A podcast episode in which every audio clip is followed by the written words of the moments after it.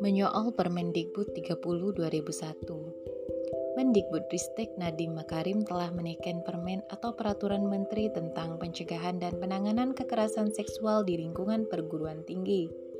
Namun, dalam permen tersebut, Makna kekerasan seksual pada beberapa kondisi adalah tindakan tanpa persetujuan korban, sehingga menuai beragam kontra berbagai kalangan yang menilai permen ini kontroversial dan bermuatan liberal melegalisasi perzinahan. Pada saat yang sama, kampus dituding sarang radikalisme, padahal tidak pernah ada bukti real terkait radikalisme, tetapi hanya game of naming seolah-olah mahasiswa atau mahasiswi yang menekuni forum kajian Islam terkesan eksklusif dan anti pergaulan ala kaula muda. Justru mahasiswa atau mahasiswi aktivis dakwah Islam adalah kalangan yang terbina ketakwaannya tidak terjerumus gaya hidup bebas. Sesungguhnya yang layak untuk dibongkar adalah praktek-praktek sekularisasi itu sendiri.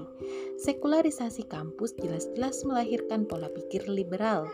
Cepat atau lambat, pasti menghancurkan generasi, dan kampus akan tercoret dengan cap tempat pencetak para tikus berdasi dan sarang pergaulan bebas. Ini membuktikan Pendidikan sekuler, detik ini gagal mencetak intelektual cemerlang jauh dari misi tujuan pendidikan yang solih mencetak kepribadian Islam.